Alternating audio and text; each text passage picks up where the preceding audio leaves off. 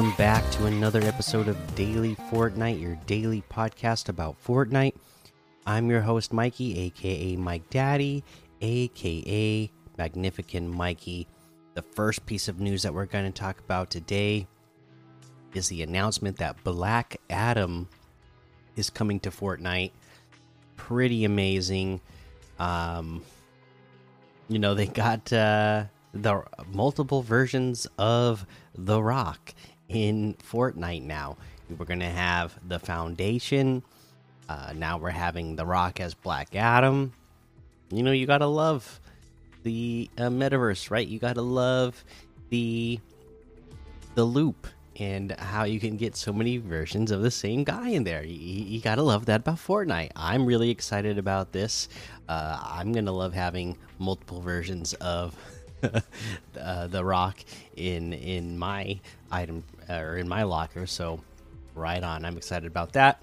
And then, of course, today being Tuesday, it was time for a hot fix update. So let's cover the details of this. And it looks like a pretty fun one. I haven't got a chance to play a match yet myself, but you know I've seen some videos. It looks pretty fun. Fortnite Battle Royale version 22.1, October 11th, hot fix go to town with the explosive goo gun, and more. A trio of items, two new and one unvaulted, makes its way to Fortnite Battle Royale in the version 22.10, October 11th hotfix. See the three below. Make a mess with the explosive goo gun. Things on the island are about to get messier and more explody. Taking a note from the formidable Chrome, explosive goo is starting to cover stuff. With the new explosive goo gun, cover your targets in a volatile substance that will stick to whatever it makes contact with, and after a moment, detonate. Make the most of the goo in your gun, as there are no ammo pickups available to refill it. Explosive goo guns can be found from the ground, chests, and supply drops.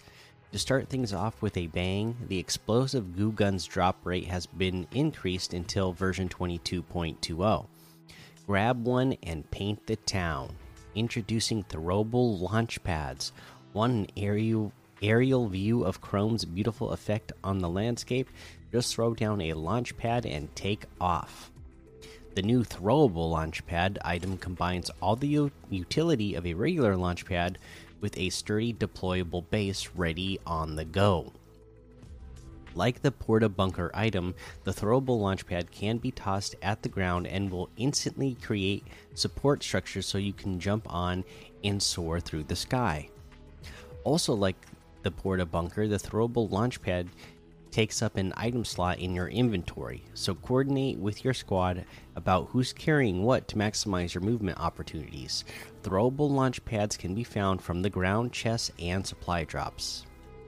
Shield bubbles unvaulted. It's not so easy to burst this bubble. Shield yourself and the squad from incoming fire with the unvaulted shield bubble. Invulnerable to projectiles and explosives, catch your breath under this protective dome. Just watch out for enemies walking in and continuing the fight up close. Shield bubbles can also be found from the ground chests and supply drops. Competitive notes: Explosive goo guns are not included in competitive play competitive playlists. However, throwable launch pads and shield bubbles are included. And there is our hotfix update. Uh, like I said, to me, from what I've seen and uh, uh, heard, you know, it looks like a pretty fun update. I can't wait to finish recording this podcast and go play some matches myself uh, to try out the new goo gun and, you know, uh, throwable launch pads. Uh, sound pretty good anytime there's launch pads in the game uh, as an item you can use and not just something that's fixed on the map. I always enjoy that. And shield bubble, I mean, uh, I'm not going to complain about having a shield bubble for myself. That's for sure. Uh, you know, as, as, much as I've been getting beamed lately, it'll be nice to have a little bit of uh, a little bit of extra protection. Uh, let's see here. Let's go ahead and take a look at the LTM's. Let's see what can we get into today. Rocket League's Octane tutorial, Eternity, Zombie Survival, 7 in 1 dropper, 500 level spooky death run, drop guys Halloween edition, find the escape route, tic tac toe, school prowl, death run verse 200 level, escape room witch house, octane race, and 102 level death run by Fanky Monkey. Of course, there's a whole lot more to be discovered in the Discover tab. And our weekly quest, did we cover everything? I believe we covered everything. Indeed, we did. So let's just head on over to the item shop and see what we got in the item shop today because we're not going to get new quests until Thursday. So, in the item shop today, looks like. Oh, yeah, we still got our spooky offers, of course, but also turn up the music stuff, all still here as well. Um, you know, including Silk Sonic, J Balvin, X23 still here. We have the Bash outfit with the Llama Corn Shield backbling for 1,500. The Outcast outfit with the Fresh Catch Back Bling for 1,200.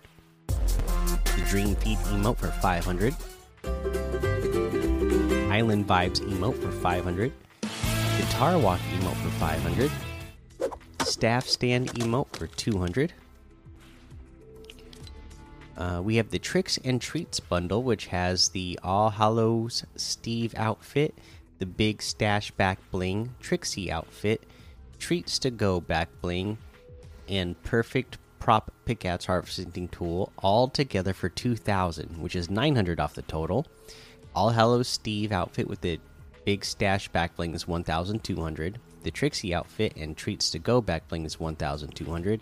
The perfect prop pickaxe harvesting tool is 500.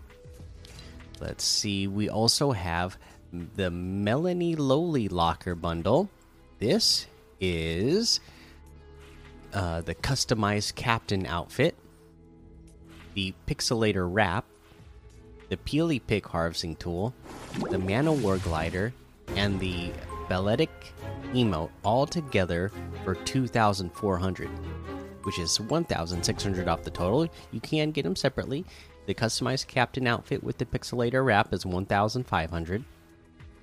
The Peely Pick harvesting tool is 800. The Mana War glider is 1,200. The Balletic emote is 200. We also have the Carlux locker today, which is the Nightbeam outfit, Lumi Core Red back bling, Chomp Ju Junior harvesting tool, the Paper Plane glider, and the Phantom Flame wrap all together for 2,300, which is 2,000 off the total. The Nightbeam outfit with the Lumi Core Red back bling is separate for 1,500. Chomp Junior harvesting tool for 1,500.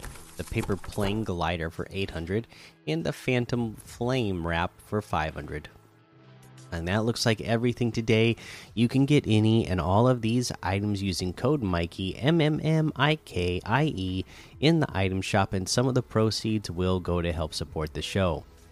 Alrighty, that is going to be the episode for today. Make sure you go join the daily Fortnite Discord and hang out with us. Follow me over on Twitch, Twitter, and YouTube. Head over to Apple Podcasts, leave a five star rating and a written review for a shout out on the show. Make sure you subscribe so you don't miss an episode. And until next time, have fun, be safe, and don't get lost in the storm.